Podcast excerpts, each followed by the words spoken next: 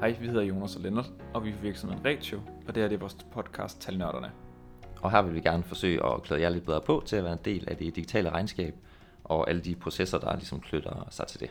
Ja, og i dag kunne vi faktisk godt tænke os at gå lidt væk fra det digitale regnskab, fordi vi synes ligesom, at det faglige fundament for regnskabet er mindst lige så vigtigt for at have noget ordentligt at bygge det her digitalisering på. Så er der nogle store valg, der skal tages, når man skal til at starte op, og nogle store krav, kan man sige, der skal overholdes i forhold til de forskellige lovgivninger. Så det synes vi faktisk også, at vi vil prøve at tweak vores podcast lidt over på, lidt faglighedsnørdningen, så folk de ligesom forstår, hvorfor nogle krav er der sådan grundlæggende, når man er selvstændig. Ja, så nogle af de, de indledende beslutninger, som man eventuelt kunne finde på at spørge en revisor om, eller som vi i hvert fald gerne øh, vil påstå, at vi ved noget om. Ja, og man kan sige, at de der, nogle af de der gængse spørgsmål kommer lidt igen og igen, og så synes vi ligesom godt, at vi kunne, vi kunne tage til den, og så prøve at fortælle lidt om de overordnede valg, når man starter op, og hvad der er vigtigt at vide, hvad der ikke er vigtigt at vide. så, så i dag synes vi, at vi vil snakke lidt om valg af selskabsform, og hvordan, når du starter op, hvordan du skal drive din virksomhed i forhold til det. For det er et spørgsmål, vi får konstant. Øh, og overordnet set, så er der, så er der to veje, man kan gå. Man kan gå den personlige ejede virksomhed, hvor du ejer virksomheden personligt. Det er det, man kalder en personlig ejet mindre virksomhed, eller en enkeltmandsvirksomhed. Og ellers skal du gå selskabsvejen, hvor du har et IVS, et APS eller et AS. Så det er sådan de der to forskellige veje, man kan, man kan vælge at gå. Og det er det, vi snakker lidt om, hvad forskellen er på vejene her, ganske kort. Og så vil vi senere podcast komme lidt mere detaljerigt ind på valget af de her to veje. Så man kan sige, Lennart, du kan starte med at tage den her personlige enkeltmandsvirksomhed, hvor, hvor, hvor altså hvad tænker du om den, og hvad, hvad plejer du, når du får en kunde, der ringer ind og fortæller om, når du, når hvis valget står på den der enkeltmandsvirksomhed? Øh, jeg kunne godt tænke mig at starte lige med nogle mere generelle krav for øh, det at, at drive sin virksomhed. Ja, hvis jeg starter det i stedet for. Ja. du, du styrer det bare selv. Skal vi ikke gøre det? øh, fordi øh, der, der er jo sådan helt basic ting, der skal være styr på, og det er noget med det her med, at man skal føre et regnskab, eller man skal bogføre. Og øh, der øh, angiver lovgivningen, at det skal gøres øh, regelmæssigt og løbende, øh, skal man bogføre sine indtægter og udgifter. Og det er ligesom et øh, begreb, der er en del elastik i, fordi det, man øh, er nået frem til, det er, at det må også afhænge af, af virksomhedens størrelse og kompleksitet. Så har du en øh, børsnoteret virksomhed, så skal det løbende forstås som, det skal du gøre med et ofte, ofte interval, øh, dagligt vil jeg næsten sige. Har du en lille øh, håndværkerforretning, øh, hvor du kun er dig selv, øh, så kan elastikket måske strækkes helt til, at, øh, at det bare er omkring moms deadline som, som minimum, der skal bogføres op kvartalsvis eller halvårligt, eller hvornår det nu er. Ja, så momsen bliver korrekt indberettet, kan man sige. Det er lidt det der formål. Ja, ja, lige præcis. Øhm, men, men det er i hvert fald øh, ligesom basen, der er vigtig at få på plads.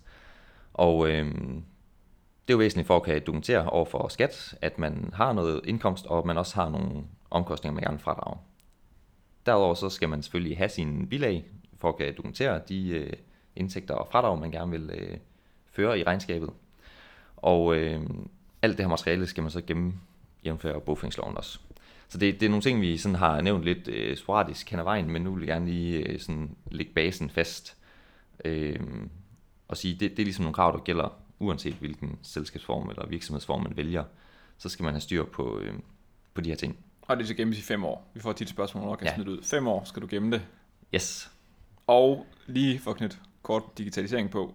Det er mm. lovligt at gemme det digitalt nu om dagen, så man skal altså ikke have det fysisk og digitalt, hvis det ligger i regnskabsprogram som bilag knyttet op derind, så er det overholdt lovgivningen. Ja. Det får vi stadig spørgsmål på, og det gør det altså. Og det, det går lidt på nogle formuleringer, der stadig står i lovgivningen, men det er helt accepteret, det er bare digitalt. Og det er faktisk sådan, at, at det er dit ansvar øh, at tage forsvarlig backup af de her ting. Ligger det i skyen, så sker det øh, automatisk. Men har du det fysisk stående, så skal du faktisk sikre dig mod brand og teori forsvarligt. Og det vil sige, det er i princippet ikke forsvarligt bare at have alle dine originale bilag stående i en map et sted, som så kan brænde af. Og så kan du lige pludselig ikke dokumentere noget i forhold til dit regnskab. Så Nej. du faktisk have kopier liggende et andet sted. Ja. Øh, det, det er måske ikke så mange, der har, men det, det dikterer lovgivningen faktisk. Og det er muligt faktisk at tage sikkerhedskopier, for eksempel økonomik og sådan ting, ikke eksportere dem. Det kunne faktisk være en mulighed at have sådan en procedure, man sætter det op. Ja, det, det kan man sagtens øh, få sat op. Men det er i hvert fald øh, nogle væsentlige ting at have styr på. Øh, ja. Og så, så er det blevet sådan, at, øh, at for små virksomheder der er ikke revisionspligt mere. For os lige at knytte den på. Øh, hvis du er under de her bundgrænser, så kan du sagtens få lavet regnskab uden at have en revisor erklæring på. som koster lidt ekstra. Ja. Hvor, ja. Men, men øh, nu må vi se, det er sådan noget af det, regeringen de snakker om, om det måske faktisk er for lempeligt, om der skal strammes op på de her ting, fordi at der bliver desværre snydt rigtig meget. Ja, mange ikke har styr på deres krav, Ja, når det er regnskabet. Så, ja, bevidst eller ubevidst. så ja. Ja. det er jo nogle af de her krav, generelle kedelige krav, overholdelse, det skal vi overholde selvfølgelig. Ja, Yes. Men tilbage til fokus. Hvad, hvad, hvad er forskellen mellem enkeltmands og selskab? Hvad ting hvad plejer du at sige til din kunde, når han kommer og spørger, jeg skal starte op, hvad skal jeg gøre? Jamen, øh, der er sådan forskellige overvejelser helt øh, overordnet, når man starter op, om man skal vælge det ene eller det andet. Øh, jeg synes, øh, de vigtigste pointer er, øh, at man hæfter personligt i en enkeltmandsvirksomhed, og det gør man ikke i et selskab. Så hvad er det for en virksomhed, man skal til at i gang med at drive? Øh, hvor stor er den, og er der ansatte og alt muligt? Det spiller jo ind på, øh, hvilken risikoprofil man har øh, i sin virksomhed, i sit selskab. Jeg personligt hæfte betyder bund altså seriøst, at øh, kreditorerne kommer og siger, du kan ikke betale dig, som du tabte dit hus, så du går på hus og hjem. Yes, det, det betyder jo, at øh, al, al den gæld, der måtte opstå i forbindelse med at drive virksomhed, som jo typisk er væsentligt større beløb end ens private økonomi, dem øh, skal man betale selv, uanset om der ikke er nogen penge i virksomheden. I selskabet, der er der jo den her kapital, man starter op med, indskyder, og det er ligesom den øh, kapital, man maks kan miste, medmindre man begynder at låne penge ind i selskabet og sådan noget. Så det, det synes jeg øh, er en af de helt store øh, ting, man skal overveje. Ja, det plejer jeg også at sige. Jeg plejer faktisk også at sige til folk, at de siger tit, vi er ikke en risiko for vores selskab, og så plejer jeg at sige, eller i vores det, vi skal til at starte op, plejer at sige, du er så helt sikker på, at du ikke kommer til at lave et eller andet. Hvis du står og arbejder med fødevarer, så kan det være, at du giver nogen en madforgiftning eller et eller andet. Altså man skal tænke sådan ret bredt, den risikoprofil, der er. Er du konsulent og fakturerer 400.000 om året, så vil de sige, at vi har ikke nogen risiko ved det, jeg laver kun der IT.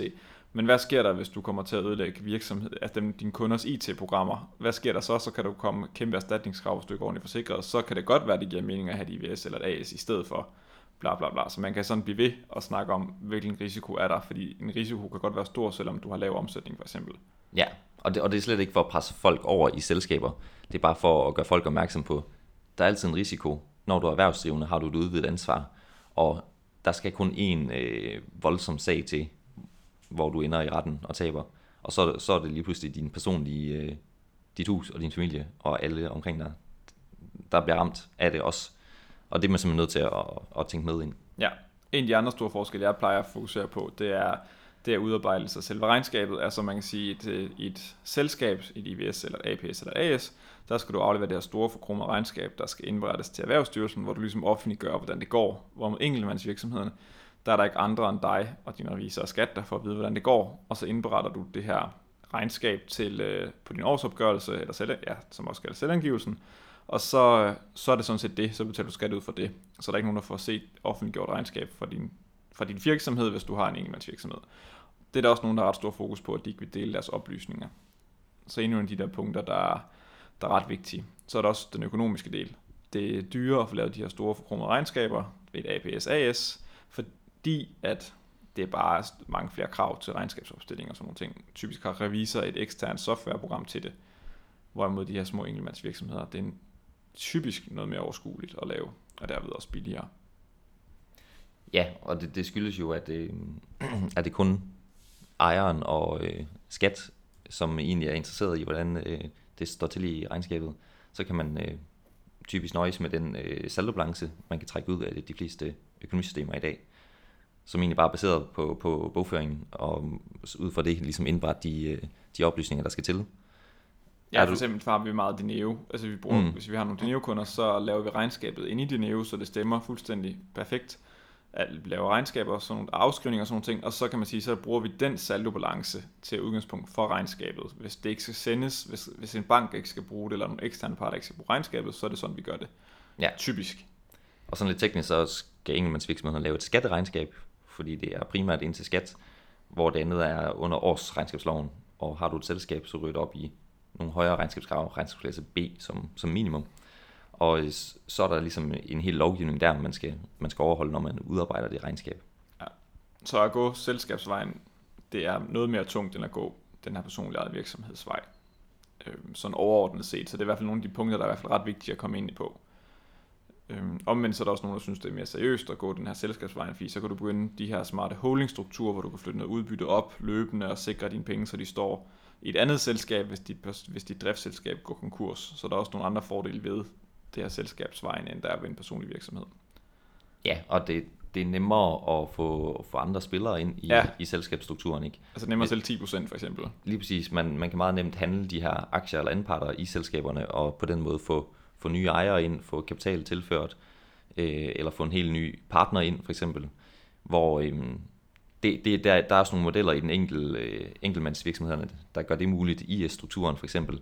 Men det er alt andet lige noget mere øh, kompliceret øh, at arbejde med og kvad du ikke har et offentligt regnskab, så kan dem, der skal købe sig ind, heller ikke øh, helt på samme måde validere øh, de, de informationer, der er i regnskabet. Ja. Så skal man i hvert fald til ud og, og han en revisor til at kigge det igennem alligevel. Ja, og som man nok kan høre, så, så er der ikke nogen gylden vej, der er bedre end den anden. Det afhænger meget af den situation, du er i. Kan man sige, for en enkeltmandsvirksomhed kan du også have ansatte, hvor du kan lave løn og sådan nogle ting til. Så der er ikke noget, der begrænser dig heller ikke. Så der er meget for og imod. Det er en gråzone, og der er ikke noget, der er bedre end det andet. Det, der så er fordelen, kan man sige, det er, hvis du starter en enkeltmandsvirksomhed og finder ud af, at du skulle have haft et APS, så kan du vælge at lave en omdannelse på et tidspunkt, så du får et APS. Så du tager dine værdier, kan man sige, gå så en fra enkeltmandsvirksomhed over i det her APS, hvilket også kan være en fordel.